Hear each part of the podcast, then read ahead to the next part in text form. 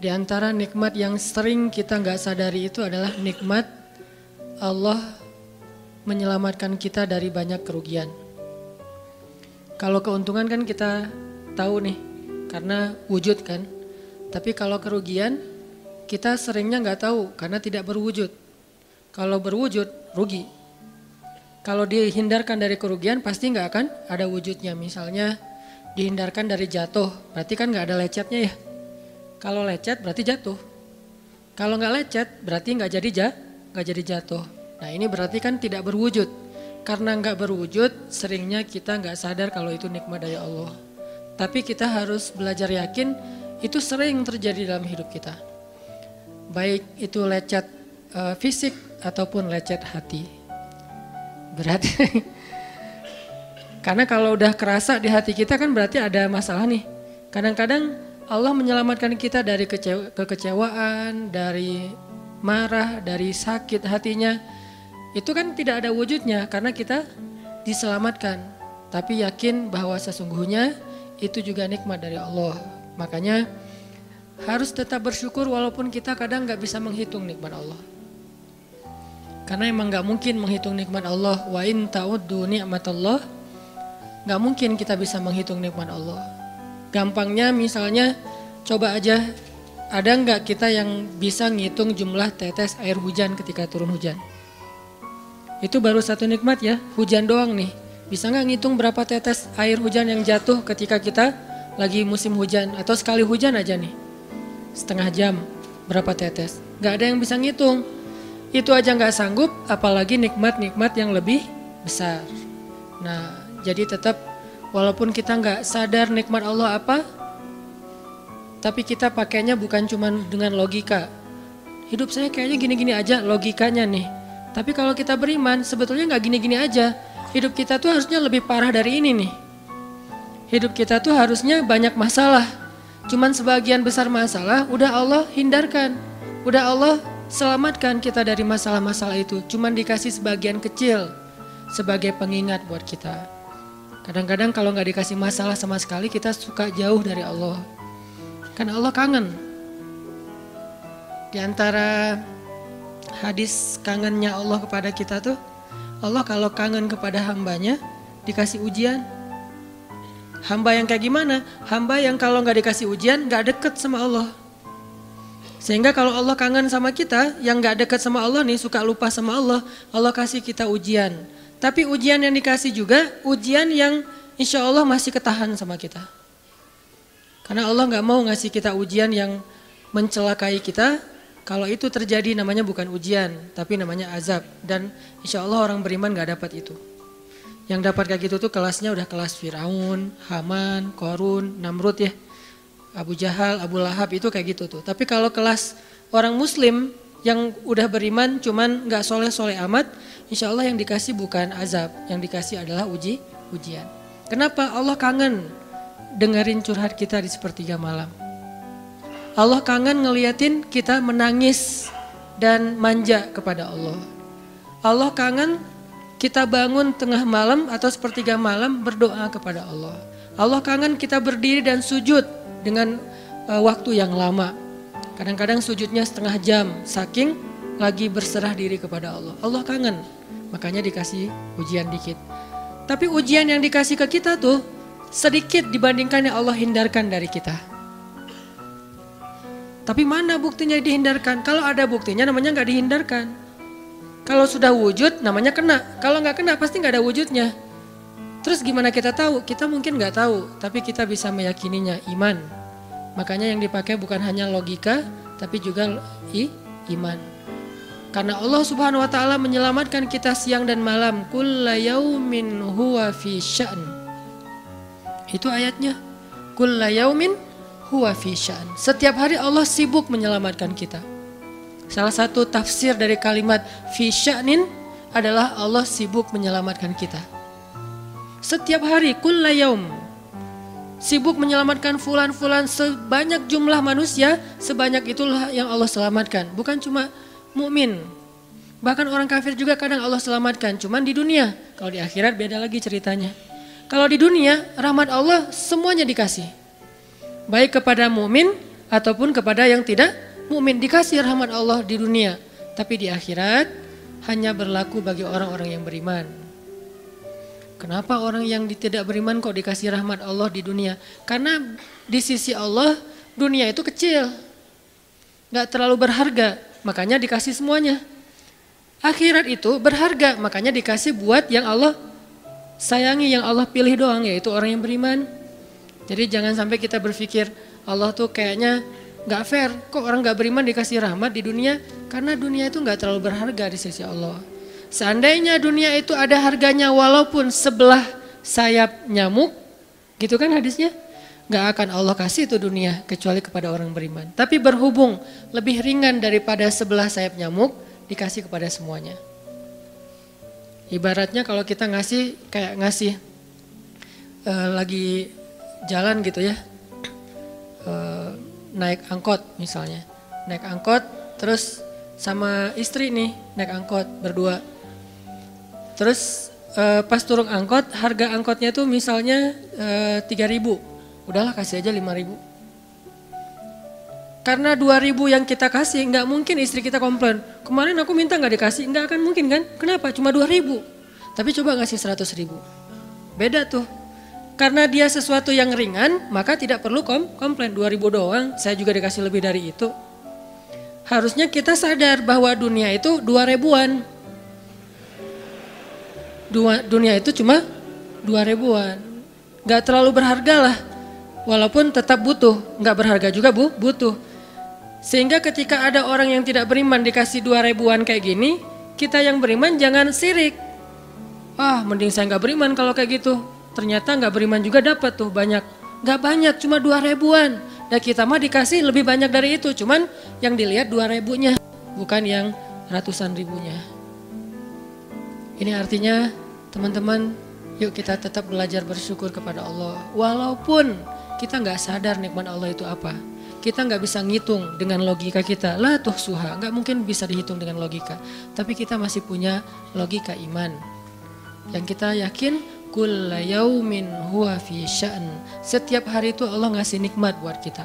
Setiap hari itu Allah menyelamatkan kita dari banyak masalah. Setiap hari. Bukan pernah tuh dulu gua nyelamatin lo. Enggak. Setiap hari diselamatin. Kita ada orang yang kadang-kadang nyelamatin kita dari satu uh, musibah. Itu kan berjasa dan kita kayak ngingat seumur hidup kan ya?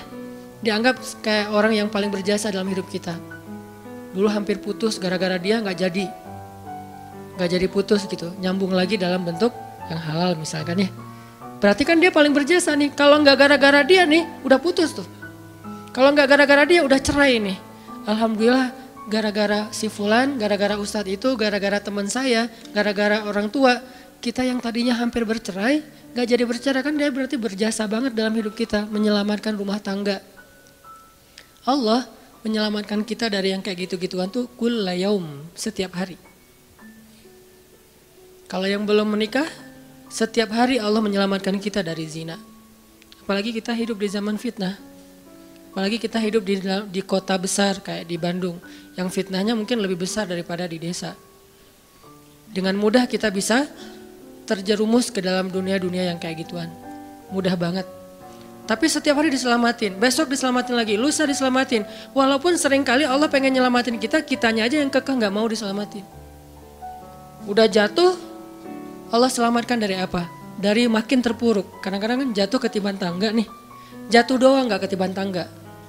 Allah selamatkan. Kalau nggak diselamatkan 100%, minimal diselamatkan sebagiannya. Supaya kita nggak benar-benar hancur. Itu sering yang pernah merasakan masa-masa kelam di masa lalunya, harusnya kan ketika kita dulu kayak gitu kita udah mungkin udah mati kali ya. Yang sering tawuran misalnya, yang sering tarung di jalan, alasan hanya alasan sepele gitu. Kayak kemarin saya pas ke Jakarta ada acara di daerah Bintaro tuh lagi jalan, ada tawuran pelajar pada bawa golok, bawa samurai, bawa celurit segala macam. Kita agak-agak kaget karena kita platnya plat D gitu kan. Agak bahaya nih di Jakarta soalnya. Langsung kita gimana nih plat D masa mau ditutup pakai tangan nggak mungkin kan ya mobil. Akhirnya lah haula aja. Coba bayangin, mungkin sebagian kita pernah ngalamin masa kayak gitu dan mungkin lebih parah. Yang kayak gitu-gitu mah udah jadi kayak uh, sarapan lah. Kalau nggak makan siang, kayak gitu-gitu. Udah sering. Kenapa masih bisa selamat dan sekarang bisa duduk di masjid? Kalau bukan karena Allah menyelamatkan kita. Jadi kalau ada yang cerita ke saya itu tentang pengalaman masa lalunya yang luar biasa kelam, saya itu selalu bukan takjub ke dianya, takjub ke Allahnya. Bukan takjub karena dia bisa berhijrah, takjub karena Allah masih menyelamatkan dia dan menghijrahkan dia. Sehingga ketika dengar cerita kayak gitu, yang kita ucapkan adalah, Masya Allah, Alhamdulillah. Bukan, wah hebat lo ya, dulu pernah bunuh orang, pernah ini, pernah semua dosa pernah gue lakuin dah. Itu nggak perlu bangga, karena kalau dia nggak diselamatin Allah, dulu udah celaka dengan dosa-dosa itu. Tapi karena Allah selamatkan, akhirnya dia diberi kesempatan. Bikin dosa dibiarin sama Allah. Bikin dosa dibiarin, bukan dibiarin uh, berbuat dosa, dibiarin supaya dia kembali kepada Allah, dikasih kesempatan. Dan itu nggak sehari, bertahun-tahun kan kita kayak gitu. Masih aja Allah uh, biarin. Masih Allah kasih kesempatan. Ini artinya teman-teman benar kulla yaumin huwa fi sya'an. Setiap hari itu Allah selalu jagain kita. Setiap hari itu Allah selalu nyelamatin kita dari banyak masalah. Kalau yang udah nikah, mungkin di hari-hari pertama atau tahun-tahun pertama nih pengalaman pernikahan ya.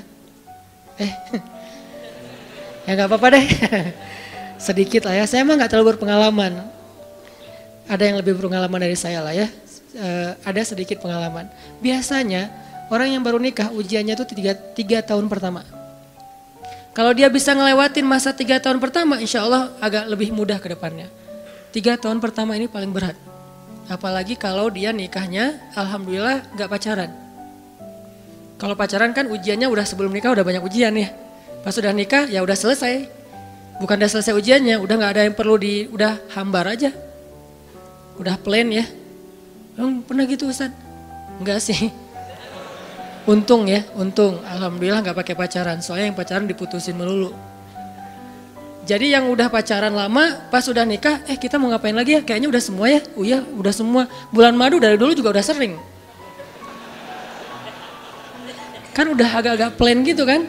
Tapi kalau yang belum nikah, eh belum pacaran, nikah nih jadi kayak benar-benar baru pacaran, cuman ada konsekuensi lain yang mungkin ini jadi kayak semacam ujian lah biar sabar. Masa-masa adaptasi, masa-masa saling mulai mengerti, oh ternyata kamu tuh kayak gini dan segala macam. Apalagi kalau baru nikah langsung LDRan kan berat banget tuh. Nikah LDRan, pacaran LDRan aja berat. Bener gak sih? Ah nggak ngaku eh. Pacaran LDRan aja berat, apalagi nikah LDRan. Kenapa? Pacaran itu kan masih banyak pantangan. Nikah kan udah masih apa, banyak ibadahnya. Tapi nggak boleh ibadah, coba gimana? Nggak sengsara tuh, merana kan? Harusnya boleh tapi nggak boleh. Yang tadinya nggak boleh aja apa sengsara, apalagi udah boh, udah boleh. Nah ini artinya setiap hari dalam tahun-tahun pertama pernikahan kita bisa aja mengatakan, udah deh, kamu talak, uh, saya talak kamu apalagi laki-laki. Kalau nggak sabar dikit keluar kata-kata talak. Kalau udah keluar nggak bisa ditarik lagi tuh. Karena kalimat itu walaupun guyon tetap kena kan. Guyon aja kena apalagi serius. Enggak usah saya waktu itu lagi ter apa e, dikuasai amarah. Emang ada yang cerai dalam keadaan nyaman. Eh kita talak yuk gitu. Nggak ada kan. Yang namanya cerai pasti marah tuh. Jadi nggak nggak ada istilah gara-gara marah terus talaknya nggak berlaku nggak. Maksud marah yang nggak berlaku talak itu kalau sampai hilang akal. Tapi rata-rata kita masih berakal sih walaupun marah juga. Karena ada orang yang marah tuh kemudian dia jadi kayak orang yang gila gitu gara-gara marahnya itu hilang akal. Tapi kalau masih berakal, masih mukallaf, masih bisa berpikir, ya namanya cerai nggak ada yang nggak marah. Yang namanya cerai pasti mah marah.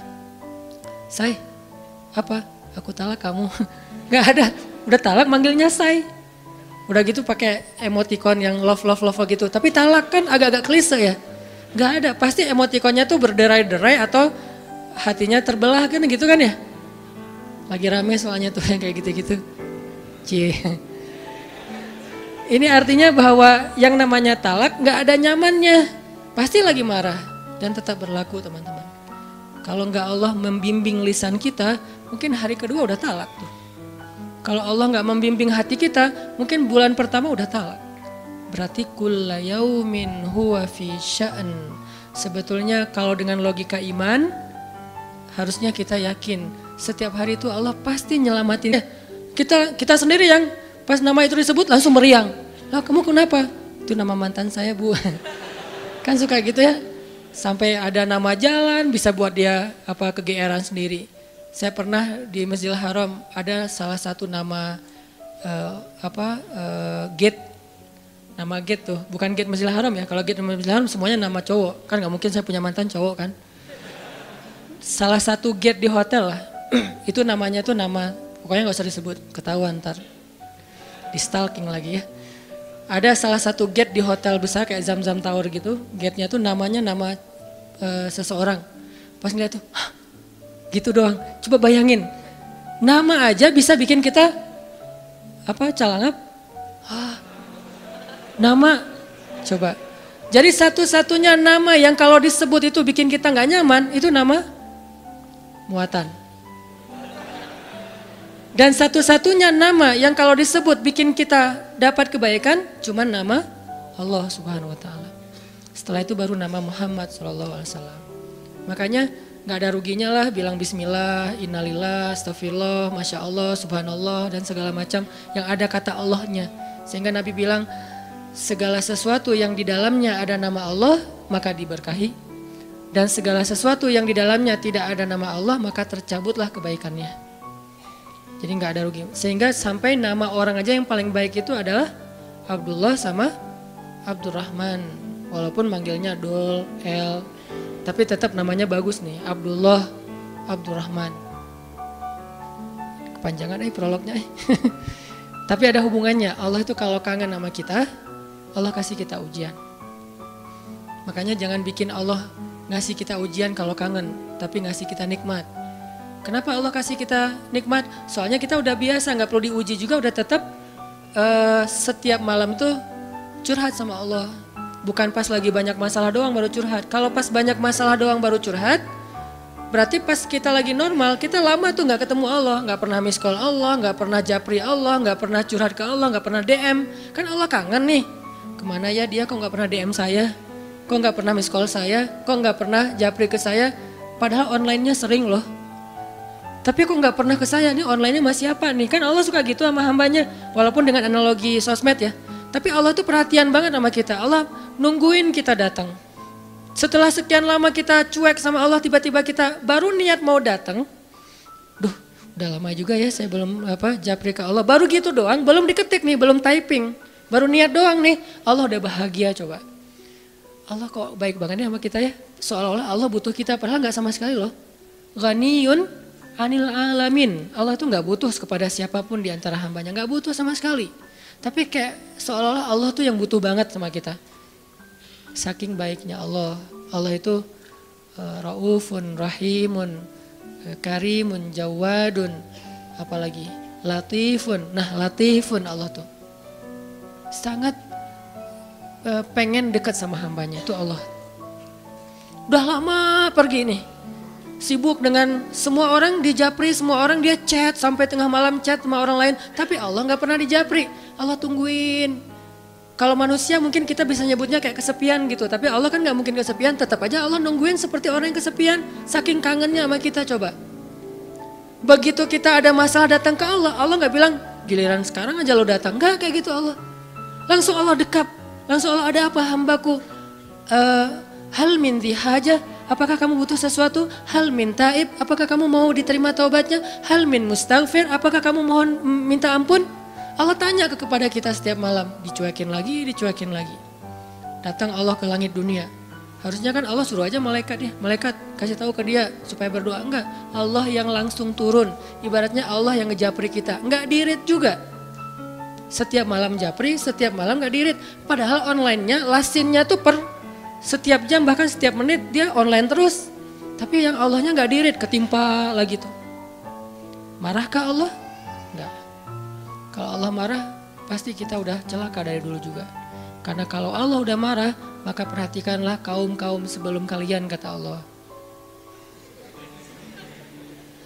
Perhatikanlah kaum-kaum sebelum kalian. Ad, Samud, atau tokoh-tokoh sebelum kalian Firaun, Haman, Namrud dan seterusnya. Perhatikan kalau Allah udah marah nih. berarti Allah belum marah sama kita. Tapi jangan sampai batasan waktu yang Allah buat itu kita lewatin, itu bahaya. Karena kalau Allah sudah menentukan waktunya, nggak bisa ditolak lagi sama kita.